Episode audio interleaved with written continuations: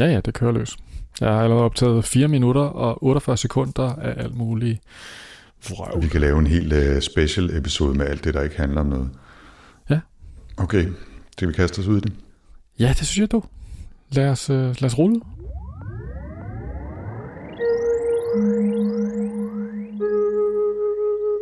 Velkommen til Sci-Fi Snak Med science fiction. og med snak Med Jens Jarl Poder. og Anders Høgh Nissen. Velkommen til. You're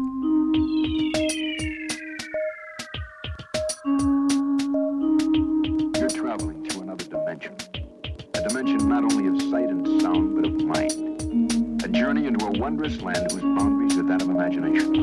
Your next stop. Sci-Fi Snak. Velkommen til Sci-Fi Snak episode 54, det er den, der handler om Clifford Simax City fra 1952. Hej Jens. Halløj. Velkommen til. Ja, tak skal du have, og dig selv. Alt vel? Det er en god dag nu, fordi jeg sidder med et glas cognac, og jeg skal snakke om god gammeldags science fiction. Af den slags, man ikke laver mere. Ja, og nu siger du, at jeg bliver helt misundelig på, om jeg lige skulle øh, snige mig over i barskabet. Men det kan være, at jeg gør det, for når du holder en af dine lange indtaler. Vi får se. Forløbet har jeg bare kaffe i koppen, men det er også godt nok. Undskyld, hvad for noget med lange enetaler? Det, nu er det jo ikke dig, der sidder og redigerer øh, sci-fi snak, og, øh, og jeg ved altid, hvis jeg skal hente et minut eller noget, fordi jeg synes, den er blevet lidt for lang, så, så ved jeg godt, hvil- hvilket af sporene jeg kigger på først.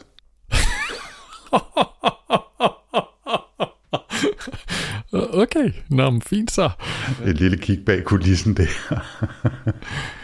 Jeg tror, jeg skal til at lave noget kontrollytning. Det hvem er det, der redigerer skidtet? Det er mig. Hvem er det, der har hånd- og halsret over sporene? Det er mig. Mm-hmm. Jens, øh, hvad har du øh, læst af, eller set af science fiction, siden vi snakkede sammen sidst? Jamen, jeg har faktisk ikke rigtig læst noget. Jeg har til gengæld nu øh, har der været meget snak om dansk sci-fi. Øh, jeg kan også se, at du har haft snitterne noget dansk. Men øh, jeg har set en dansk Netflix-serie, som måske ikke sådan lige umiddelbart var den, jeg ville have forestillet mig at kaste mig over. Øh, men det er det her, den her Netflix-serie The Rain, som er sådan en, øh, hvad kan man kalde det? Det er sådan en øh, ungdomsserie, vil jeg sige. Ikke? Det er sådan lidt øh, postapokalyptisk.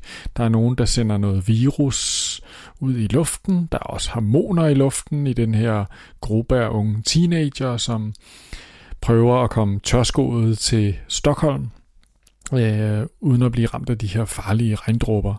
Men det er sgu egentlig meget sjovt at se. Altså, jeg, altså, når jeg ser sådan noget, så tænker jeg, ja, det er ligesom at se Hunger Games. Ikke? Man ser sådan lidt bort fra, at der er nogle ting, som er sådan meget sådan forsimplede og enkle. Jeg synes egentlig, det var meget sådan underholdende. Det er ikke noget, jeg super meget vil anbefale, men, men, men det var ret sjovt at se den her, de her scener, hvor de ligesom havde lavet øh, København øh, om til sådan en post-apokalyptisk... Øh, de er blandt andet øh, inde på Burger King inde ved, ved hovedbanegården. Så det, er sådan meget, det var sådan ret sjovt. Men altså, det er ikke noget med, øh, I er ikke gået glip af noget. Det var sådan en hyggelig, øh, det var en hyggelig anledning til at se den med min datter Rosalina, og det var, det var, så, det var rigtig, rigtig fint. Hvad sagde hun til den? Jamen, hun var nemlig, hun var jo en stor fan. Så, øh, så det var sådan en, en anledning til at hygge, se noget i, øh, i familien. Øh, så det er også vigtigt at uddanne den næste generation til at se noget ordentligt science fiction. Eller science fiction i det hele taget. Jeg, jeg, jeg har ikke selv set den. Jeg, jeg vidste godt, den var der. Har, har ligesom prøvet at samle lidt kræfter, men, men tanken om danske skuespillere, der render omkring og skal lave sci-fi, synes jeg, synes jeg var lidt hård. Øh, men jeg hørte nogen omtale den i en podcast for, for et stykke tid siden, og de var sådan lidt usikre på, om den var belgisk eller svensk eller et eller andet. De havde ikke sådan noget fået fat i, hvor den kom fra, fordi de havde set den dobbet. Øh, fordi det er sådan, den bliver vist i USA åbenbart. Okay. Så, så de var sådan lidt usikre på, hvor den egentlig kom fra. De var, de var moderat tilfredse. Jamen, altså, den er meget hyggelig. Altså, men den er meget sådan, du ved... Jeg tror også, de havde set med deres børn, ikke? Altså, eller deres unge tweens. Men der er, sådan, der er sådan nogle serier, der foregår, altså nogle scener, der foregår nede i nogle bunker, og der tænker man, det er ikke det, sådan, det største øh, special effects budget, de har haft. Det ser sådan ud som om, at, at det, er, det er bygget af noget pap og nogle ting. Men det er meget fedt lavet, de der scener. Der er også nogle scener, som foregår op på øh, Søfartsmuseet i Helsingør. Øh, den der, der er bygget sådan ned i en dok. Øh, og der har de sådan ligesom fået det til at se ud, som om det er sådan en base, der ligger midt, og, midt ude i nogle bjerge og sådan noget. Det er sgu meget cool. Det er jo altså fuldstændig parentetisk, og, og noget, som ikke har en skid med science fiction at gøre. Det er et virkelig fedt museum. Øh, både sådan arkitektonisk og formidlingsmæssigt, synes jeg, det er et rigtig godt museum. Altså mig og Louise, altså to voksne mennesker, brugte, øh, jeg tror 45 minutter på at, øh, at handle i det her øh, interaktive øh, spil, hvor man skal trade øh, slaver og te øh, og ting og sager, sejle rundt med sit lille skib og sin lille bog. Det, er ret, det var ret sjovt. Ja, det er ret, det er ret fint lavet. Jeg havde min, og nu fortaber vi os fuldstændig i detaljer, ikke? Men, øh, eller i tangenter, men min far er jo gammel sømand, og, øh, og sejlede i maskinen, øh, dengang han var ung og nyuddannet, og har arbejdet på værft og sådan noget. Ikke? Og, øh, og vi havde ham med op, og, og de har de har sådan nogle rigtig, rigtig store modeller, sådan nogle to-tre meter lange modeller af skibe, og nogle af dem sådan skåret over, så man kan se ned i, i lastrummet eller ned i maskinen eller et eller andet. Ikke? Og, og der var altså skibe, som han havde øh, kravlet rundt inde i skibe, der lignede dem rigtig, rigtig meget, og kunne sige, om det om bag, det var virkelig svært at komme til, når man skulle ind og svejse, og, og det der rør der, det var altid 500 grader varmt, så det skulle man virkelig passe på, når man kravlede rundt dernede. Det var ret sjovt at have ham med deroppe. Åh, oh, fedt. Men tilbage til, til sci-fi-snakken. Øh, jeg har så ikke set The Rain, og jeg ved heller ikke med din, sådan, din lidt lungne omtale, om det nogensinde er noget, jeg kommer til. Men, øh, men det er da fint, den er der i hvert fald. Jeg er faktisk gengæld lidt spændt på det, du sagde, om du har læst uh, Kasper Kolding Nielsens uh, Det Europæiske Forår. Det var faktisk i forbindelse med en, en lille opgave, jeg havde. Jeg var ude at være moderator for et arrangement, hvor han og Thor Nørtrans talte om, om fremtiden. Og øh, jeg har tidligere læst noget af Kasper Kolding Nielsen og været sådan lidt, ja, det, det var sjovt at hitte på som, der sådan lidt crazy, crazy sci-fi med, men jeg ved ikke, om jeg fuldstændig følte, at han fik den i mål. Og det var lidt det samme den her. Altså jeg synes, den, var, den er rigtig velskrevet, der er masser af gode tanker i, men der er sådan tre handlingstråde, der lidt blander sig ind i hinanden, uden at man sådan rigtig føler, at, at det er virkelig vigtigt, at de er der. Øh, men den er underholdende, og den er anderledes, og den, er, den sætter fingeren på nogle ømme punkter i forhold til den måde, vi forholder os til teknologi på osv.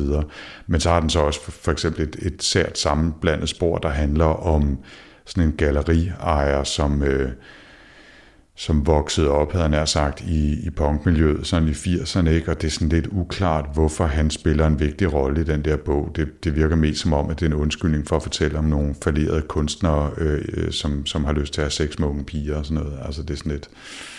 Men altså, men der er, en af de sjove ting i, i den bog er, at, at øh, man følger opbygningen af et sådan et videnskabs- og teknologi øh, samfund slash åbent laboratorium, som er finansieret af nogle, nogle iværksættertyper med mange milliarder. Det etablerer de simpelthen ned på Lolland, og så smider de alle de uh, taberne ud, og så bygger de det hele om til sådan et luksus, hipster, øh, landsby, kollektiv noget, bare med droner og robotter over det hele i stedet for. Og det er, sådan, det er, ret, det er ret sjovt. Altså, det er sådan, det er god satire på en eller anden måde. Men den, altså, jeg, jeg, jeg endte med at give den tre stjerner på, på Goodreads, og det er måske i virkeligheden lidt uretfærdigt. Ikke? Øh, den kunne godt takke 3,5, måske endda 4 på en god dag. På en god dag. Så, så den, den kan sagtens læses og, og anbefales som, også som dansk science fiction for de mange, der har efterspurgt det også inde på Goodreads. Ikke? Jeg har, jeg har kigget, øh, haft kigget på en bøger. Øh, synes, det så spændende ud, men altså, ja, ikke lige kommet omkring det. Jeg har også sådan parallelt læst øh, noget amerikansk science fiction. Det er øh, den første bog i en serie, der hedder Sentinel. Øh, den hedder Infomocracy, altså infokrati, og øh, er af en, øh, en forfatter, der hedder Malka Ann Older. Og den handler om, ja, den er sådan lidt øh, Neil Stevensonsk, William Gibsonsk, cyberpunksk, øh, handler om en fremtid, hvor man har augmented reality og net alle vegne og stemmestyrede digitale assistenter og, og droner, man kan flyve rundt i. Men det er også sådan en post-klimakatastrofe-verden, hvor, øh, hvor mange øriger er oversvømmet, og, og øh, der, er, der er jordskælv og, og den slags ting. Men det, men det, ligesom, det der er det sære, eller særligt ved den her verden, er, at, at alle, øh, alle lande er ligesom blevet opsplittet, øh, opsplittet og verden er opdelt i sådan nogle, ja, det er ikke rene kvadrater, men sådan øh, enheder af 100.000 mennesker, som hver især stemmer på deres regering, deres ledelse. Og så følger man så kampen, fordi der er nogle af de her, som, som, øh, som ligesom har herredømmet i mange af de her 100.000 menneskers enheder og prøver at opnå sådan en supermajority, hvor de kan få kontrol med hele verden. Og så følger man nogle af dem, der, der arbejder på mod, øh, modgå det og så videre. Den, den, er ret, øh, den er ret cool, hvis man kan lide øh, Gibson og Stevenson. Og det, det, det er en sært realistisk verden, de får tegnet op på den der måde, hvor man egentlig ikke øh, undrer sig efter meget kort tid over, hvordan tingene egentlig hænger sammen i den der verden. Det synes jeg er ret fint. Jeg, jeg, det er en af de serier, hvor jeg tænker, ah, det kunne jeg sgu godt tænke mig at læse de næste par stykker. Den var faktisk på min shortlist på et tidspunkt, den der kan jeg godt huske, øh, som en af dem, jeg havde overvejet. Jeg, jeg kan mærke, at jeg, jeg havde sådan en, en vibe af, at det blev lidt for konceptagtigt, det der med, at der ligesom er nogen, der sætter sådan en eller anden form for tema, og så er det det, vi skal skrive om. Men, men derfor kan det godt være godt alligevel jo. Jamen, det, det kunne den måske godt være blevet, men jeg synes, der er nogle rigtig gode karakterer med, og, og det handler meget mere om, om handling og forholdet mellem de der personer, og hvis man, det er sådan en af de der bøger, hvor man på den gode måde lige kunne skrabe science fiction ladet af det, og så er det stadigvæk en god bog. Okay, så er der jo ikke noget med Neil Stevenson at gøre. Den diskussion tager vi ikke nu. Øh, hvad vil jeg sige? Nå ja, og den, den første her, Infomocracy, den kom i 16, tror jeg, og så skrev hun en sidste år, så den, den tredje serie, den er lige kommet nu her. Ikke? Så nok ikke noget, jeg tager lige med det samme, men der er jo en øh, juleferie om ikke så forfærdelig mange måneder, så det kunne være det der, man, man samlede den op. Ikke? Ja, nej, jeg fik da overhovedet ikke nævnt, at jeg jo er blevet færdig med de sidste af det der uh, Machineries of the Empire, som vi uh, havde i sidste sci snak Uh, så uh, de, de fortsætter med at være ret gode, synes jeg. Jeg uh, synes, at den sidste Revenant Gun, den var altså ret fed. Så det er en, også en anbefaling at samle op på det. Ja, altså hvis man synes, at øh, efter at have lyttet vores sidste sci snak at det lød interessant, det der mærkelige kalendriske råd og magi og mærkelige ting, så skal man bare blive ved. Det bliver ikke mindre mærkeligt derhen af. Og, øh, men altså, jeg, jeg, synes, det var, jeg synes virkelig, det var en fed serie, den der Jun Harli øh, serie, det må jeg sige. Jamen, jeg var også øh, altså, øh, rigtig begejstret. Uanset den var så mærkelig, om man ikke fattede halvdelen, mens man sad og læste den, så var den stadigvæk fantastisk. Og det, det, det fortjener altså øh, en vis respekt, synes jeg. Så bliver jeg også lige nødt til, øh, nu vi optager her i midt til slut september, og, øh, og det, ja, vi udgiver om, om ikke så forfærdeligt mange dage, tænker jeg, at reklamere for et øh, arrangement, som jeg i al beskedenhed selv skal være med til. Har du nu set den film, der hedder Ex Machina? Ja, det har jeg da. Det er jo, det er jo en rigtig, rigtig god film. Ja, den er fed. Og den, øh, den handler kort fortalt om en, en ung fyr, der kommer op til i, i sådan en øh, meget fjern luksusvilla hos en, en gal øh, firmadirektør, som øh, prøver at bygge robotter og kunstig intelligens. Og, øh, og det var en skandale, den ikke var oppe i biograferne, da den kom for to-tre år siden. Men øh, den kan jo altså fås på, på skiver og så videre.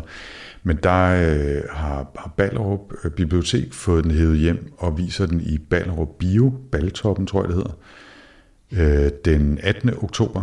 Og øh, inden visning af filmen, der øh, tager en fra biblioteket og jeg så en, en tre kvarter snak om kunstig intelligens og science fiction og robotter og den slags. Og så kan man altså se filmen i biografen bagefter. Sejt gået, Baltoppen. Det lyder da meget sejt. Det lyder, som sådan, det lyder mere som sådan noget, man ville øh, opleve inde i cinematiket, som i øvrigt også har vist denne her, øh, hvor jeg så den på et tidspunkt til sådan en open air-visning. Okay, Nå, så den, den har været op på et lærred. Øh, men øh, jeg, jeg har kun set den på, øh, på mit lille 65-tommers tv, ikke? Så, øh, så jeg glæder mig til at se den i biografen og snakke om den inden. Altså. Så, så hvis man er interesseret i den slags, så synes jeg, at man skulle tage og tilmelde sig. Vi, øh, vi smider et link i show notes. Den sidste lille ting, vi lige skal, vi lige skal runde, inden vi rent faktisk går i gang med at snakke om det, vi skal snakke om, nemlig uh, City af, af Clifford Simak, det er, det er lidt uh, læser-input, eller sludder, lytter-input, ikke? Og, øh, og det første, jeg lige vil nævne, er, at jeg via Twitter fik en, øh, en besked fra en dansk musiker, der hedder Martin, som har øh, lavet, som laver musik, og har lavet musik sammen med en fyr, der laver noget ret crazy sci-fi inspireret animation. Og øh, han har lige udgivet en musikvideo, der kan ses på YouTube, der hedder Code Electro, øh, hvor, hvor ideen er, at der ligesom er en handling, der foregår i år 2700 et eller andet, og en, øh, en japansk pige, som infiltrerer en, en, et stort firma, som bliver bevogtet af sådan nogle robot-ninjaer, og så foregår der en hel masse ballader. Og det er jo en musikvideo, så det er sådan en rimelig actionpræget og en rimelig kort historie, og der er jo ikke så meget øh, tale eller fortælling på den måde, men altså, der er en fin lille historie, den er sjovt animeret, og, øh, og det er noget ganske fin musik, og, øh, og den synes han bare, han havde lyst til at dele med os, så den synes jeg, der har lyst til at dele videre, for den er rigtig fin. Hmm, cool, det lyder da meget god. Det er nemlig meget sjovt, så det håber jeg også, du kan finde plads til i vores show notes. Ja, det skal vi nok. Ja, der har ikke været så meget gang i den øh, på Goodreads. Sten har foreslået nogle tidsrejsebøger. Øh, for eksempel Minor Glitch af en forfatter, der hedder Michel Paulin. Har jeg aldrig hørt om. Kender du det? Overhovedet ikke. Og så skal jeg sige, at uh, Lars Bo Bassini, han uh, dukkede lige pludselig op i en drøftelse, vi havde om, uh, om Kim Stanley Robinsons uh, Red Mars-serie, som vi jo altså har snakket om for mange, mange år siden.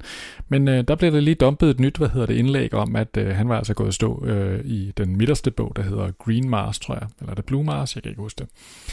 Det var præcis det samme, der skete for mig, Lars. Der var jeg der var, altså min, øh, min Mars-fascination, den løb simpelthen tør. Og der var ligesom, når man læser uh, Red Mars-serien, eller Mars-serien af Kim Stanley Robinson, ikke, så er det den der fascination af temaet, som hele tiden kæmper med hans ufattelig langsommelige måde at drive historien frem på. Og på et tidspunkt, så er det som om, at, uh, at det sidste får overtaget, og så går man bare i stå. Så er der ikke noget at gøre. Har du nogensinde læst den færdig? Nej, nej, nej. Jeg læste den første. Den, den havde jo masser af gode ting, som vi også talte om i, øh, i den episode, ikke? men øh, jeg kunne godt fornemme, hvor det bare hen af. Ikke? Altså, det var som om, de bøger bare blev længere og længere, og man tænkte, det er jo ikke fordi, der kom mere historie. Nej, og det var sådan lidt det der, ikke? Altså, hvor mange gange har man brug for at få beskrevet en solnedgang på Mars? Et af livets store spørgsmål. ja. Nå, skulle vi komme i gang med City? Ja, lad os prøve. Altså, det sjove ved, øh, ved City øh, for mig er, det er, det er sådan en af de gode gamle på en eller anden måde. Ikke? Og alligevel så havde jeg aldrig hørt om, jeg havde heller aldrig hørt om Clifford Simak, som forfatteren hedder. Heller ikke mig. Men det er altså en bog, der bliver betragtet som science fiction klassiker, kan man se, når man begynder at læse om den. Og, øh, og jeg fandt den også via Amazons faktisk ganske udmærkede science fiction masterworks samling.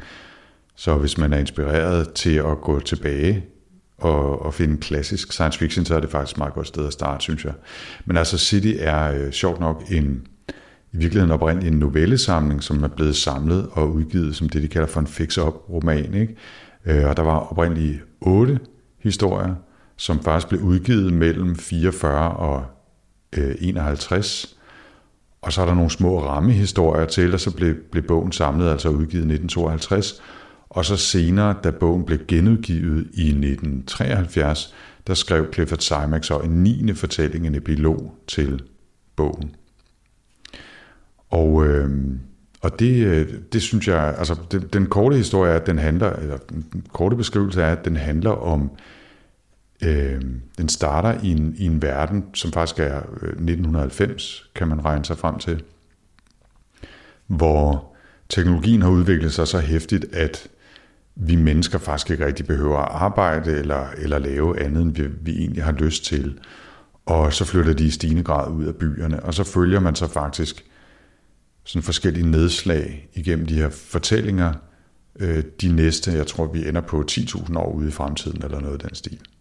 Ja.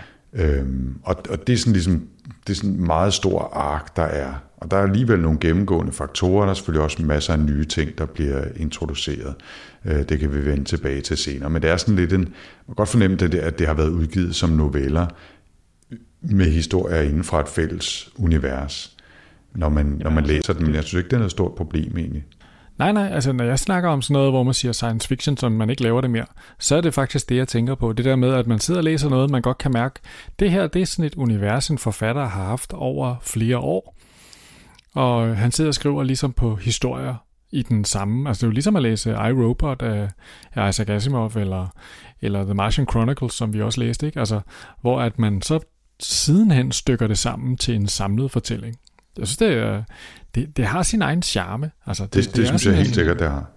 Det, det er sjovt, nu nævnte du lige Asimov, og, og skal man tro øh, internettet, som aldrig lyver, så øh, var Clifford Simak faktisk gode venner med Isaac Asimov.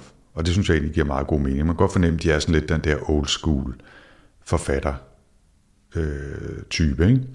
Øh, han, han blev født i 1904 og døde i 1988, hvis jeg ellers øh, ser rigtigt her. Og selvfølgelig amerikaner og vandt faktisk hele tre Hugo Awards og Nebula Award. Øh, så, så han var også i hvert fald anerkendt i sin samtid som en, som en stor science fiction forfatter. Ja, de har sådan et uh, Hall of Fame for science fiction forfatter. Der tror jeg, han var nummer tre, der blev smidt ind i, så det var altså ret, uh, ret ok. Altså står der også bare meget sjovt i, i, uh, på Wikipedia, at han var familiemenneske, som fiskede og, og havde roser som hobby. Han er jo en stor hundeelsker. Uh, så hele den her idé, uh, som, som blev introduceret i den her bog, City, om øh, et, et samfund, hvor at hundene sidder og kigger tilbage på nogle fortællinger, som de sådan har et eller andet.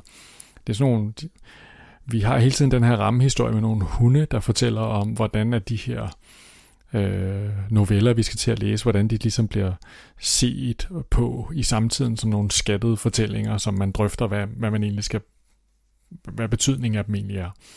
Ja, man skal nærmest forestille sig lidt, at øh, det svarer til, at vi ser tilbage på hieroglyffer og prøver at fortolke dem øh, i et eller andet perspektiv, og nogen mener, at de er at de øh, er fortællinger om én ting, og nogen mener, at det er fortællinger om andre ting, og så er der nogle tredje sikkert, som tror, at det er aliens, der har været nede og skrive de her hieroglyf-historier på pyramiderne, eller hvad ved jeg. Ikke? Altså, det er sådan lidt den der idé, man, man får, og så er det, som du siger, bare øh, hunde, som er blevet intelligente, som sidder og kigger tilbage på de her historier og prøver at fortolke, om de har en, en eller anden historisk øh, faktuel karakter, eller om de er myter, eller om de er øh, fantasiforestillinger, eller har et græn af virkelighed i sig, eller et eller andet. Ikke? Og, og de her små noter imellem historierne, der bliver refereret til forskellige hundeforskere, øh, som prøver at vægte ind på den ene side eller den anden side af den her debat om, hvorvidt de her historier nu er rigtige. Det er, ret, det er en ret syret rammefortælling, øh, altså ja. fortalt fra, fra det, som jeg forsøgsvis kalder for hundeheden.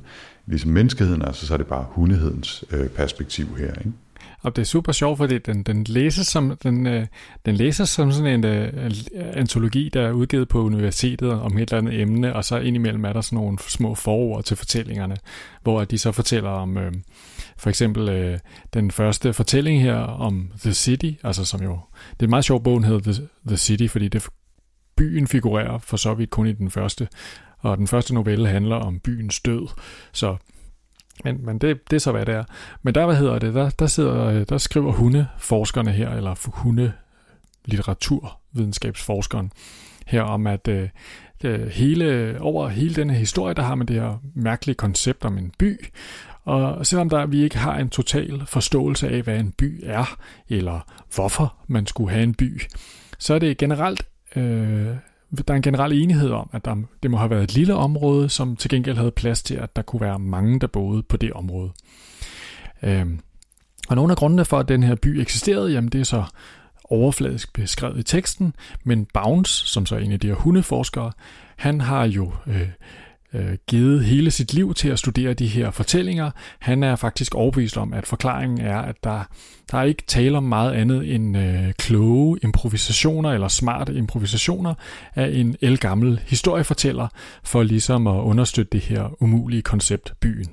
Så det er sådan ligesom den type, den type øh, fabuleren, øh, man sidder sådan og læser imellem af, af de her hunde litteraturvidenskabsstuderende.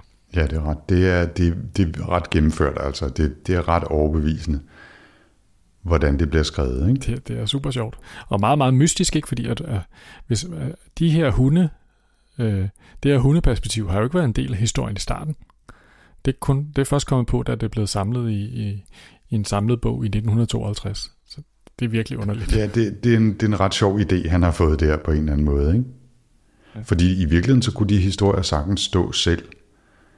Øhm, det, det er ikke nødvendigt, synes jeg, med de der rammefortællinger. Det giver nærmest sådan en lidt, øh, hvad kan man kalde det, bizarro øh, tone, øh, tone til hele, hvad hedder det, novellesamling, ikke? Som jo ikke er der i bøgerne, som er, altså bøgerne, altså slået. Novellerne, de enkelte noveller er jo ikke, er jo ikke, hvad hedder det, humoristiske overhovedet. De er jo ret sådan oprigtige og, og beskæftiger sig med, med menneskets øh, nostalgiske øh, ud i intetheden, ikke? og fortællinger om det, og, Og altså, det, det, det er sådan nogle meget oprigtige fortællinger, ikke? Ja, det er, det er lidt svært at finde ud af, om, om de der rammefortællinger, hvor, hvor en, en hundefortæller diskuterer, om det nu også er rigtig historie eller ej, om de tilfører hele oplevelsen sådan satirisk drejning eller hvad, fordi det, det er egentlig ikke sådan, at de er skrevet med et stort glimt i øjet, synes jeg, men, men konstellationen af, at vi skal forestille os, at der sidder nogle, nogle lærte øh, hunde og studerer litteraturvidenskab og litteraturhistorie og diskuterer, om de her mennesker nu også rent faktisk har eksisteret eller ej, den er så, den er så sær og speciel, at det er svært ikke at, øh, at det, altså, det kommer til at farve resten af oplevelsen lidt. Ikke?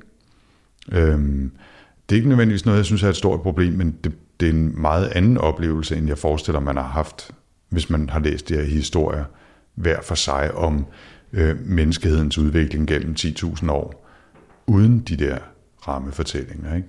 Der, er jo, altså det, der går jo lang tid før hele det her koncept med talende hunde overhovedet dukker op i fortællingerne. Der er jo ikke en, øh, der er jo ikke en hund at skue i, øh, i, i, i de første mange fortællinger. Der handler det overhovedet ikke om hunden whatsoever.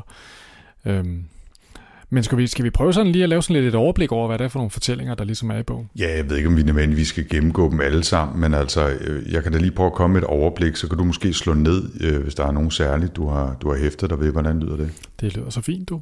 Altså, øh, som, som nævnt, så, øh, så tager vi igennem de her øh, otte fortællinger plus en epilog nogle store spring op igennem årene. Vi begynder sådan forholdsvis tæt på, på vores nutid i, i 1990, hvilket jo har været fjern fremtid, da, da historierne blev skrevet der i, i slut 40'erne og start 50'erne. Ikke? Øhm, men det er en, det er en verden, hvor teknologien altså har udviklet sig. Man har flyvemaskiner, helikopter og robotter alle vegne, og har, man behøver i virkeligheden ikke arbejde, så, så menneskene har altså øh, flyttet ud af byerne og, og øh, bosætter sig i farme og forskellige andre, øh, altså hytter og den slags ting ude på landet og i bjergene og i skovene og sådan noget. Ikke?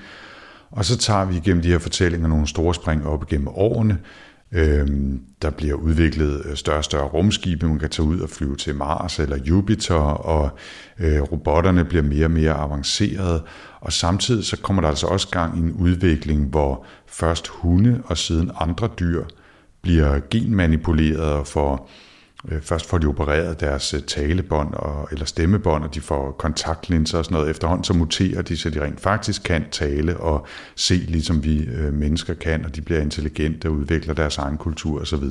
Der er også kontakt til Marsboer og den slags ting. Ikke? Øhm, men først så, så er det lidt sjovt, at vi følger i virkeligheden, selv over de her mange tusind år, der følger vi i virkeligheden primært en familie, som hedder Webster, og, og, og øh, en af de første af dem og hans øh, efterkommere, som på, på rigtig mange måder, øh, både på godt og ondt, igennem generationerne får en stor indflydelse på både menneskeheden og hundehedens og robotternes udvikling osv.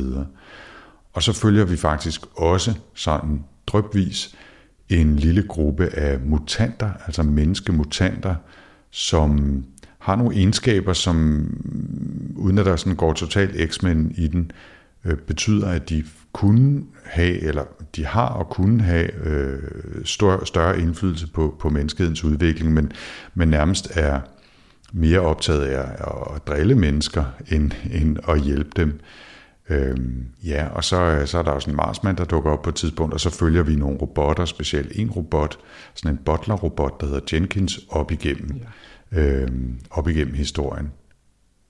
Og det i virkeligheden på mange måder er det jo Jenkins, der ender med at være være den gennemgående hovedkarakter. Ikke? Ja, man kan sige det. Vi har jo forskellige varianter af Webster, som alle sammen er mandlige familiemedlemmer, og som er, synes jeg, når man sidder og læser dem, relativt svære skældende fra hinanden. De virker sådan meget som om, de tænker på samme måde, og i det hele taget, så kan man sige, at kvinder fylder ikke særlig meget i den her bog. Øhm, det er sådan meget denne her, øh, jeg ved ikke om det er, om han abonnerer på The Great Man Theory. Her der er det The Great Family Theory, Webster-familien, som ligesom er denne her patriarkalske øh, herrefamilie, eller familie, som, som jo har Jenkins Butleren, som, som, som hvad hedder det, ser meget op til de her forskellige Webster og og, og hundene er jo også utrolig øh, glade for den her Webster-familie. Så det er sådan, ja, altså, øh, det, det er sådan det gennemgående træk. Altså, men altså alle de der hovedpersoner, der alle sammen hedder noget med John Webster eller Thomas Webster, det kunne lige så godt være den samme person. Og, og deres vibe, den historie, de ligesom fortæller om, er meget den samme. Der er sådan en utrolig øh, stemning. Altså den her, det der i virkeligheden er, det, sådan som jeg oplever det centrale tema i den her bog, det er jo, at vi lever i sådan en verden, hvor at det er post-scarcity, det vil sige, at vi har fået vi har ikke brug for en masse øh, ærland mere, fordi at øh, nu kan vi gro alle grøntsagerne i nogle tanke, øh, og folk vil ikke købe øh, grøntsager, der er groet ude på friland mere. Øh, og med atomenergi, så har vi heller ikke brug for, vi har helikopter, der er drevet af atomreaktorer, som flyver os rundt. Så folk har i virkeligheden alt det, de har brug for, og så derfor flytter de ud på landet og bliver mere og mere asocial. Øh, og, og det er sådan ligesom, den der, der er sådan en, øh, hvad kan man kalde det, det er sådan en, en nostalgisk øh, sorg over et tab af en eller anden form for mening med tilværelsen. Man har alt det her fritid, man ved ikke rigtig, hvad man skal gøre sig selv. Øh, og, og det er sådan ligesom sådan en, øh, en blå tone, som hele bogen har i sit syn på, på menneskehedens fremtid. Og det går jo igen, øh, den her følelse af, at at ja, det kan der, nu kan vi prøve at se, om vi kan kolonisere Jupiter, men det kan måske også bare være lige meget, og øh, vi har det her store, øh, den her menneskehed, og men hvad skal det egentlig blive til, og, og, og kan vi leve op til vores arv i fremtiden, fordi vi har ikke rigtig den her energi til ligesom at, at udvikle os mere. Det er som om, man ligesom er, er løbet tør for damp, ikke? Jo, og, og i, i den historie, som det var en af de mere sære historier, øh, jeg, jeg kan glemme, hvad den hedder, den der foregår på Jupiter. Øh, der er i virkeligheden to, der foregår øh, på, på Jupiter, ikke? hvor de, øh, de får sådan nogle øh, omformer-maskiner. De har, de har etableret en base øh, øh, ved Jupiter, men, men det er jo et ekstremt øh, fjendtligt miljø med kolossalt tryk og store storme og masser af giftige stoffer osv. Men så laver de sådan en eller anden omformer, så de kan sende øh, mennesker ud i i sådan noget, som de kalder for lopers, altså sådan nogle omkringspringende væsener, der trives i det jupiterske miljø. Og i, i lang tid tror de i virkeligheden, at de sender folk ud nærmest til den visse død som lopers. Men, øh, men så er der en, en, der hedder, jeg tror han hedder Frank, øh, den hedder Frank, det er også lige meget. Øh, Kent Fowler hedder han, øh, som, som, som ellers har været den, der stod for at sende soldater ud i, i low-form ud på Jupiter, så gør han det selv og opdager, at det er helt fantastisk. Altså han, han løber omkring i den her, den her alternative krop, han har fået, og, og han tænker meget hurtigere, og, og det hele er super fantastisk, og så følger man lidt det, den, øh, den oplevelse, som nogen har ved at blive loper, så de gider jo ikke vende tilbage og blive mennesker. Øhm, og det, det er en totalt syret lille historie, ikke? Men, men, øh, men igen noget, som, øh, som jeg nævner her, fordi det, det også er et eksempel på det, du siger. Ikke? Altså menneskeheden som menneske, øh, eller som mennesker, er, er havnet i en blindgyde. Øhm, de kan ikke rigtig udvikle sig mere, de har ikke noget energi, de er bange for, øh, for at åbne rummet, de er bange for rummet osv., men i, i enkelte enkelte steder og på enkelte måder finder de i hvert fald lejlighedsvis en eller anden, et eller andet afløb for det, for eksempel som Lopez på, på Jupiter. Ikke? Jo, mig hele den her transhumane udvikling, som, som, som øh, Fowler og hans hund tauser, ja, det er så ikke transhuman, det er vel mere sådan transkanin. transcanine, øh, ja. Transcanine, øh, at de, de oplever, det blev så ligesom, øh, det blev ligesom det, der i virkeligheden er menneskehedens store exodus i første omgang. Ikke? Der er en hel masse, der beslutter sig for at tænke, det lyder da mega fedt at være en lober på Jupiter, og da alle folk får, da folk får nys om det, så, øh, så bliver bliver jorden bare endnu mere affolket, og mennesker bliver endnu mere sjældne. Ikke? Det er nogle, altså, det er nogle spøjse historier, ikke? fordi han smider virkelig nogle, nogle vilde koncepter ind i mixet hele tiden. Ikke? Der er sådan lidt, okay, når vi er lige kommet tilbage fra en begravelse, øh, øh, Mr. X Webster, hvad det nu lige er, om det er Thomas eller John eller hvem det er, øh, sidder og ruminerer over sin fars død, og, og så lige pludselig så tele videogriffer han sig til Mars og sidder og snakker med en Marsmand, og det kommer bare sådan ud af det blå. Ikke? Han er meget sådan, øh, han smider bare nye ting ind hele tiden. Øh, og, det, og det er noget af det, som jeg synes nogle gange kan være styrken i sådan en, øh, i sådan en bog som denne her, som er bygget sammen af fortællinger fra forskellige, øh, hvad hedder det, øh, for, altså, som er skrevet over en lang periode. Ikke? Der, nogle gange så sidder man og tænker, altså den der, det er ikke altid, at tingene er helt konsistente i, hvordan de virker. Forstår du, hvad jeg mener? Altså det er sådan lidt, der bliver bare bragt nye ting i spil og sådan noget. Der er ikke sådan den der følelse af, at der har siddet nogen med et eller andet øh, øh, Mac World Building program på deres computer, og så ligesom skal de svare på alle spørgsmålene om, hvordan at øh, virker økonomien og alt muligt. Og så er de ligesom lavet alt det her hjemmearbejde, og så skal det på en eller anden måde tværs ud over siderne i romanen, og så skal vi sidde og læse det, kunne hjælpe med. Altså, her der er der sådan lidt mere, nogle gange fungerer det på den ene måde, nogle gange fungerer det på den anden måde. Det er ikke nødvendigvis super konsistent, og det be, der er ikke nødvendigvis nogen altså udvikling af de her øh, myrer og hunde og sådan noget. Det, det, man sidder ikke og føler, at nå, det her det var grundigt tilrettelagt hele vejen igennem. Det er mere nogle nedslag på en eller anden måde, ikke? Og, og set i bagspejlet, så kan man godt fornemme, at de her nedslag er nogen, som sker i et større univers, men det er ikke nødvendigvis et 100% sammenhængende univers, og det er et univers, som i, i det omfang, det er sammenhængende, er blevet sammen, sammenhængende i, i bagspejlet på en eller anden måde. Ikke? Det, er, det er ikke noget, han har siddet og planlagt. Det tror jeg ikke på, da han satte sig ned og skrev den første historie. Og det kan man mærke både på, på persongalleriet, på tematikkerne og på den måde, det er skrevet på, synes jeg. Øh, da jeg startede på den første historie, så tænkte jeg, den er meget sjov, og, men den, den starter i virkeligheden bare i en by med nogle mennesker, der går lidt omkring og, og er lidt sure over, at der ikke er nogen tilbage i den der by, og Øh, der er egentlig ikke særlig meget science fiction i den. Det handler mere om, at, at byen er ved at blive forladt, og der er ikke nogen, der gider spise øh, guldrødder, der er dyrket i jorden længere og så videre. Ikke? Og, og så efter nogle historier, så er der pludselig øh, Marsmænd med, og så efter et par historier mere, så render de omkring på Jupiter i alternative kroppe, og pludselig så er der en hel historie, der virkelig handler om dyr, og deres ligesom, øh, robotvenner, som render omkring i skoven og, og snakker sammen og løber tilbage og taler med den her butler-robot Jenkins, der stadigvæk går omkring i et gammelt Webster-hus. Ikke? Og pludselig så bliver der introduceret øh, nogle historier om en eller anden kæmpe stor bygning, der hele tiden udvikler sig, som åbenbart er noget myrer har bygget, fordi de også er i gang med at blive intelligente og skabe nye samfund, og man tænker bare, hvad fanden sker der? Men, men det, er, altså, det er jo en del af, af, af, en, af en et fælles univers og en fælles historie, men det er godt nok nogle crazy hop, der bliver taget, og på mange måder starter hver historie i virkeligheden på ny, ikke? selvom der er nogle gennemgående faktorer, nogle gennemgående tematikker. Jamen, altså, det er sådan en... Og jeg har ikke engang fået, her har jeg ikke engang fået introduceret, undskyld, jeg afbryder, her har jeg ikke engang fået introduceret, at han også på et tidspunkt begynder at tale om paralleldimensioner. Ja, og sådan nogle mærkelige spøgelser, der hedder koblides. Ja, præcis, og, og, og, og, og nogle øh, sager, øh, eksistenser eller væsener, som ligesom kan bevæge sig igennem dimensionerne, og hvad for en dimension af, af de her mange verdener beslutter man sig for at leve videre i. Øh, og det, altså, det går fuldstændig balalaika på et tidspunkt, synes jeg. Ikke?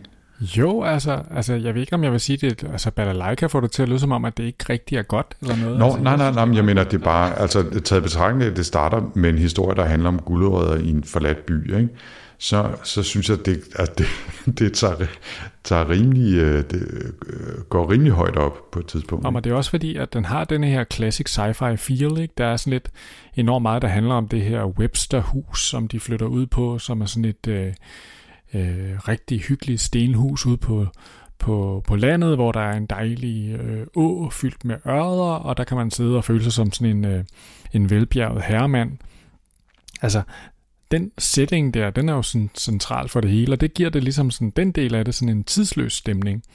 Så det er sådan nogle, det er faktorer i verden, der kommer til at betyde noget for, at man oplever det som i fremtiden eller ej. Ikke? Altså, det er det med, at okay, nu er der lige pludselig nogle robotter, eller okay, nu kan man åbenbart øh, øh, tele øh, tilstedeværelse, holde de vildeste Skype-møder med folk på Mars.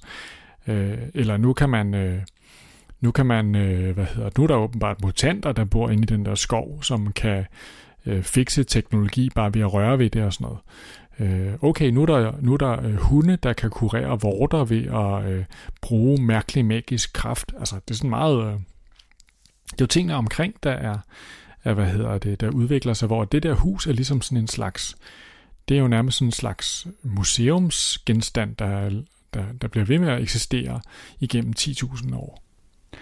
Ja, og så, og så øh, igennem det hele løber der så, som du også nævnte før, nogle, nogle tanker, der kredser om vores rolle som mennesker i, i den her verden, og vores forhold til hinanden. Ikke? Øhm, jeg sad lige og kiggede på de highlights, jeg har hævet ud af, af romanen her, det er langt fra dem alle sammen, men der var lige et, som, som stammer fra en, en af karaktererne i bogen også, som er en mutant, som hedder Joe, som er en af dem her, der ligesom kan fikse teknologi bare ved at røre ved det, og, og som er sådan lidt en, en, øh, en joker-karakter i, i den her bog. Men han, han siger, jamen basalt set, så er I alle sammen ensomme, øh, fordi I vil aldrig rigtig kunne forstå hinanden, I er mennesker. Altså, I kan tale til hinanden, men I vil ikke grundlæggende kunne forstå, hvad der foregår inde i hovedet på et andet menneske. Og det betyder ikke, at I ikke kan være venner og ikke kan have samfund osv., men noget af det, vi oplever nu, hvor byerne opløser sig, og flytter væk fra hinanden, og, og ligesom går i, i hunden, nærmest bogstaveligt talt, øh, det er, at, at I mangler den der grundlæggende følelse af fællesskab, og det er i virkeligheden menneskets øh, undergang et eller andet sted. Ikke? Øh, og, og det synes jeg øh, også ret godt indfanger den der stemning, der er, at det er sådan en undergangsfortælling, samtidig med det fortælling om, hvad der opstår ovenpå på, menneskehedens øh, fejlen. Jeg synes, den er, altså jeg synes virkelig, den, den fletter mange ting sammen på en sjov måde. Nå, men det er også den der, altså man har jo ikke, altså det er jo ikke sådan en, en fuldstændig øh, offhand afskrivning af alt det, menneskene gør, som redselsfuldt eller noget. Det er sådan slet ikke den der, der er sådan en, for eksempel er der sådan nogle scener, hvor det, at de der hunde, de er jo utrolig, øh, så, altså mennesket som begreb bliver sådan en mere og mere øh, abstrakt eller fjern ting for, for hunde. Men der er sådan en fin scene, hvor at, øh, det er flere tusind år siden, der sidst har været et menneske i Webster House. Men så kommer et øh, menneske forbi, John Webster. Han bor øh, til hverdag i Genève, og så pludselig så, øh, så har han oplevelsen af, at så møder han en af de her intelligente hunde, og snakker med den og tager den op og, og sidder og nusser den i skødet. Og den der hund, det har den jo aldrig prøvet før, men det kan den bare mærke. Det kan den godt lide. Det er rigtig rart. Så hele tiden det der menneske-hunde-fællesskab, det der, øh, hvad kan man kalde det, øh, bånd mellem mennesket og hunden, som, som hævner et eller andet form for fællesskab og skæbnefællesskab, det, det, han, øh, det, det, det køber han 100% ind på. Ikke? Jeg er ikke helt sikker på, om han måske synes, at det er den bedste, om han måske synes, det er den bedste kvalitet ved, øh, ved menneske, det er, at de kan gøre hunde glade. Hvis jeg ellers husker ret, og nu er det så lige på uger siden, jeg har læst dem, så er der en af historien, der basalt set handler om, at de vækker en, en Webster op, som ellers havde lagt sig i sådan en dvale tilstand, fordi nu, nu gad han simpelthen ikke mere, og det havde alle, alle, stort set alle andre også gjort. Og så vækker de ham for at finde ud af, øh, hey, dengang, øh, hvor, hvor mennesker ligesom var alle vegne, og I gerne ville bekæmpe myrer, hvad gjorde I så? Fordi myrerne er også ved at blive intelligente, som jeg nævnte før, har opbygget det her store samfund, og der er noget kamp mellem dem og dyrene og et eller andet, og så, så vækker de en Webster for at finde ud af, hvad, hvad gjorde de? Og han var sådan lidt, jamen, så forgiftede vi dem, og robotten var sådan lidt, åh, oh, fuck it, og lægger ham til at sove igen, ikke? Det er simpelthen for åndssvagt. Øh, så ikke engang det kunne de bruges til. Nej. Jamen hele det her, altså menneskene står jo for sådan, øh, i den her nye øh, dyrekultur, som jo er sådan en slags øh, øh, forsøg på at lave sådan en Walt Disney-utopia, hvor dyrene de ikke angriber hinanden, ikke spiser hinanden. Og der er det tydeligt, at mennesket er ligesom kilden til det her med at slå, slå dyr ihjel og slå, min, slå hinanden ihjel, og der bliver også snakket om i de her, øh, de her mellemnoter, hvor at litteraturvidenskabshundene sidder og diskuterer ting der er det her begreb krig, for eksempel, som de slet ikke kan forstå, men det er vist noget med at slå ihjel, men på sådan en fuldstændig abstrakt stor skala, som er slet ikke, som er ud over enhvers fatteevne. Øhm. Så der er sådan den der, altså, der er den der idé om mennesket som sådan en forandringskraft, der, der, der ændrer ting, og altså, der er sådan, altså man kan også sige, at det her samfund uden menneske, der er sådan en følelse af, at det er sådan lidt, der er lidt sådan lidt stagnation og sådan lidt, altså, ja, nu spiser de alle sammen sådan noget gærekstrakt, og i stedet for, det, det virker ikke som om ulvene, de er helt købt ind på ideen, vil jeg sige. Nej. Nå, jamen altså, det, men det var sådan et, øh, det var sådan et lidt et, øh, et blik på, hvad er det her for en slags bog? Altså, det, det er jo en, en ret interessant bog at læse, synes jeg. Og, og den, den er jo svær sådan på den måde, og altså det, det, det er en meget en bog, der lever på nogle stemninger, synes jeg. Øh, på nogle, øh, nogle relationer mellem de her forskellige karakterer. Det, det er ligesom der, bogen lever og ånder, synes jeg. Øhm, hele denne her, som jeg kalder det, den her blå tone, som bogen har, den her følelse af, at, øh, at der er noget, der er på vej til at slutte. Og det er ligesom det, vi, øh, vi kigger tilbage på. Og det er jo også, der kan man sige, den, den ramme sætter de der litteraturvidenskabshunde-diskussioner øh, jo ekstra, ikke? fordi at der, der, der er man klar over, at her sidder der nogle hunde og kigger tilbage på noget, der engang var, som man overhovedet ikke aner findes mere. Øhm, det er sådan meget den, øh, det er meget sådan den centrale oplevelse, man har af, af bogen. Det er meget interessant, synes jeg, fordi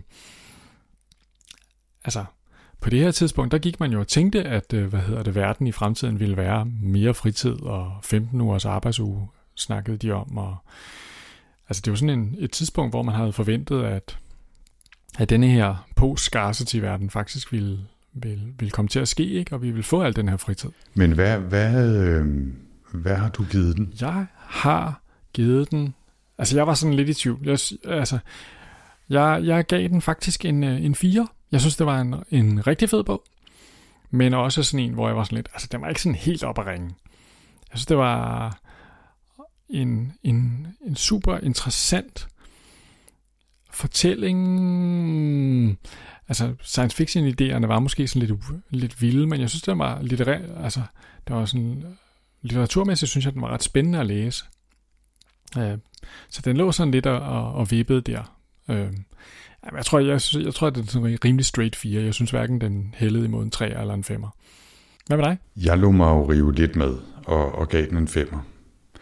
Jeg tror, hvis jeg havde læst bare de første tre historier, så tror jeg ikke, jeg havde givet den en, en, øh, en femmer. Så havde det måske mere været en 4 for, for sådan lidt øh, klassisk øh, kuriositet på en eller anden måde. Ikke? Og, og for de der sjove rammegreb og men jeg synes virkelig, den løftede sig og, og begyndte at introducere nogle af de der rigtig store tematikker, øh, både hvad kan man sige, eksplicit i fortællingen øh, hos karaktererne, så også øh, øh, mellem linjerne, ikke? som jeg synes løftede den, og synes jeg bare, den var virkelig godt skrevet, og, og masser af ting, jeg havde lyst til at highlighte og, og, og læse et par gange, fine sætninger og sådan noget, og så, fordi den bare var så crazy, altså, og havde både... Øh, øh, rumfart og robotter og hunde, der kunne tale, og øh, myrer, der vil overtage planeten, og parallelle dimensioner og alt muligt andet, introduceret sådan en sær blanding, der bliver bundet sammen med de der rammefortællinger. Det synes jeg havde en kæmpe charme. Og jo, man kan godt mærke, at den er gammel, og på nogle måder er den også lidt, lidt gumbetung, og der er i hvert fald ikke særlig meget hard science fiction over den, vel? Altså, men, men jeg, jeg blev virkelig... Øh, charmeret af den, og, og synes, at, øh, at det var fantastisk at læse. Jeg var rigtig glad for, at, øh, at jeg var faldet over den, øh, når vi nu aldrig nogen af os havde hørt om ham før. Så, så den, den fik altså en, en femmer for mig, og det er ikke nødvendigvis verdens største femmer, man kan også sætte fingeren på. Ja, den, den starter lidt mere sløvt, øh, men, øh, men jeg synes faktisk, at, øh, at den, den virkelig samler op på det, og at det samlede værk som jo er det, øh, vi vurderer her, øh, fortjener en, et, et stort klap på skulderen. Jamen, altså, øh, når man sidder der lige pludselig opdager, gud, det er også en fortælling om transhumanisme, øh, om mennesker, som konverterer sig selv om til nogle andre væsener for at leve på andre planeter, så, så ved man, man har, altså, om man, om man sidder og tænker, at det her det er fra en gang i 40'erne, altså, det er, samme, altså, det er ligesom at læse Theodore Sturgeon, ikke? som, vi, som vi også læste, ikke? hvor man bare tænkte, okay, nå, altså, sådan noget øh, sci-fi fra den her æra er åbenbart mere end bare raketskibe og folk, der ryger pibe, når de lander på Mars, øh, og øh, har en sød sekretær og beamer en, øh, en atomstråle tilbage til jorden. Altså, det her, det var, der, der er nogle, der, der er nogle ret sådan, der, der er nogle skøre idéer, ikke? Men, det, men når man læser den, så føles den ikke som skør, fordi den har det der, øh, det der scenen, det der hus derude på landet, som sådan mange historierne foregår i og omkring. Det, det skaber ligesom sådan en enorm grounded fortælling, synes jeg.